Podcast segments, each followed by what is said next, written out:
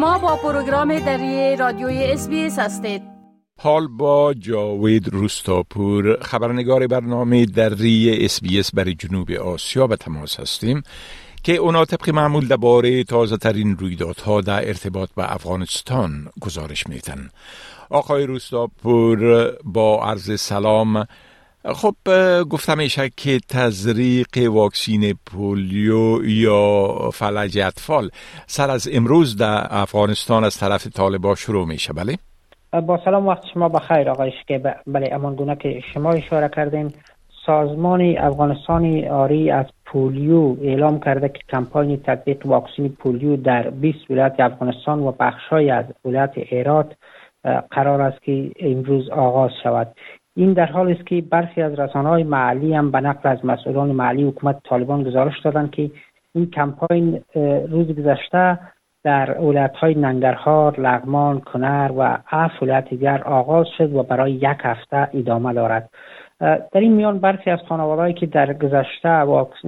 تطبیق واکسین پولیو را برای اطفالشان تطبیق نکرده بودند و کوتاهی کرده بودند اکنون برخی از اطفال اینا با پولیو مواجه شده از خانواده دیگر خواستند که کودکانشان را به موقع پولیو کنند. از سوی هم سازمان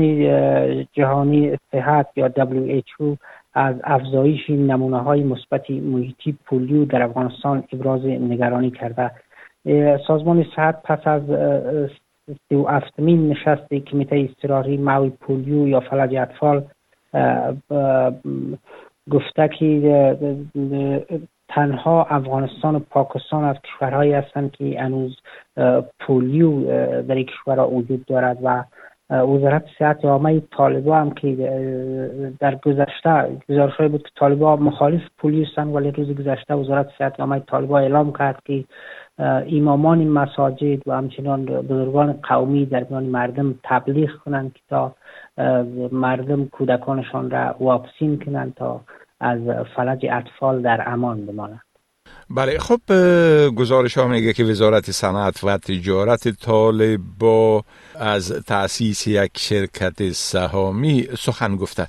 میشه که در این باره یک مقدار توضیحات بتین؟ وزارت صنعت و تجارت حکومت طالبا گفته که این وزارت در نظر دارد تا یک شرکت سهامی را برای افرادی که توانایی تجارت های بزرگ را ندارند در افغانستان ایجاد کند. عبدالسلام جواد آخوندزاده سخنگوی وزارت گفته که هدف از ایجاد شرکت سامی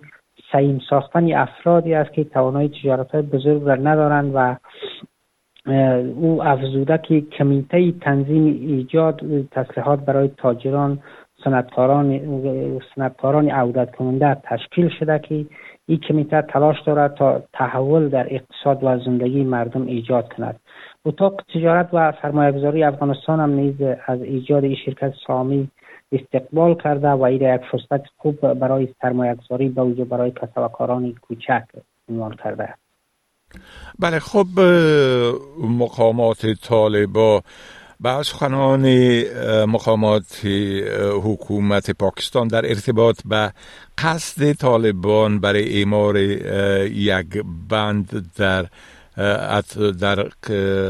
قسمت دریای کنر عمل های نشان دادن. بله؟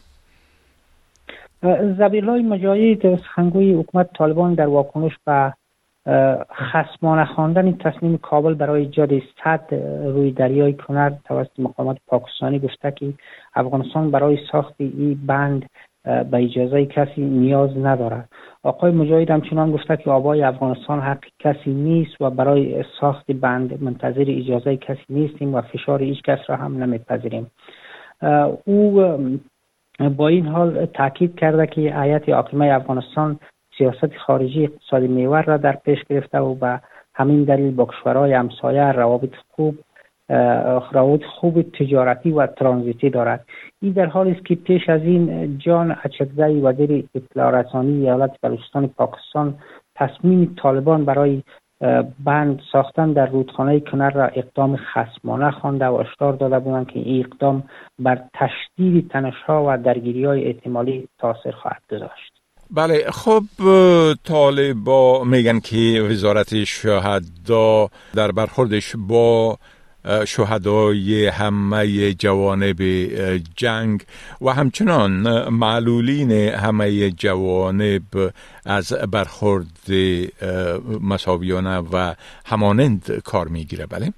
بله عبدالحکیم حقانی مهین وزارت شهدا و معلولین حکومت طالبان بر های محلی افغانستان گفته که با تمام خانواده خانواده شهدا و افراد معلول چی از معلولین مربوط حکومت خودشان و همچنان بازماندگان نظامیان حکومت پیشین برخورد یکسان خواهند داشت. آقای اقانی افزوده که تا کنون این وزارت توانسته است بیش از شش, شش هزار خانواده معلول را شناسایی و ثبت کند. او تاکید کرده که تلاش بشود تا مراکز آموزشی و عرفی در تمام ولایات افغانستان برای خانواده شهدا به برای کودکان و فرزندانشان ایجاد شود و افراد معلول هم گفته که اینا مراکز عرفی برشان ایجاد خواهند کرد تا کارهایی را آموزش ببینند و پس از او صاحب کسب و کار شوند. او گفته برای هر خانواده شهید چی از نظامیان پیشین و یا از افراد خودشان دو هزار افغانی تنخواه می‌پردازند که هر شش ماه بعد این معاش برایشان داده می شود و بودیجه هم اختصاص داده شده به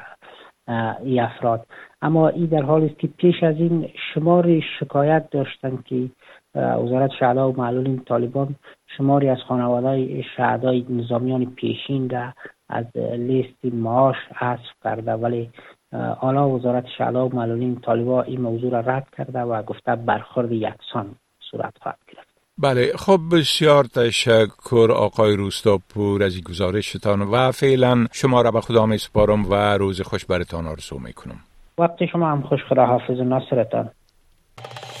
بپسندید شریک سازید و نظر دهید. اسپیس دری را در فیسبوک تعقیب کنید.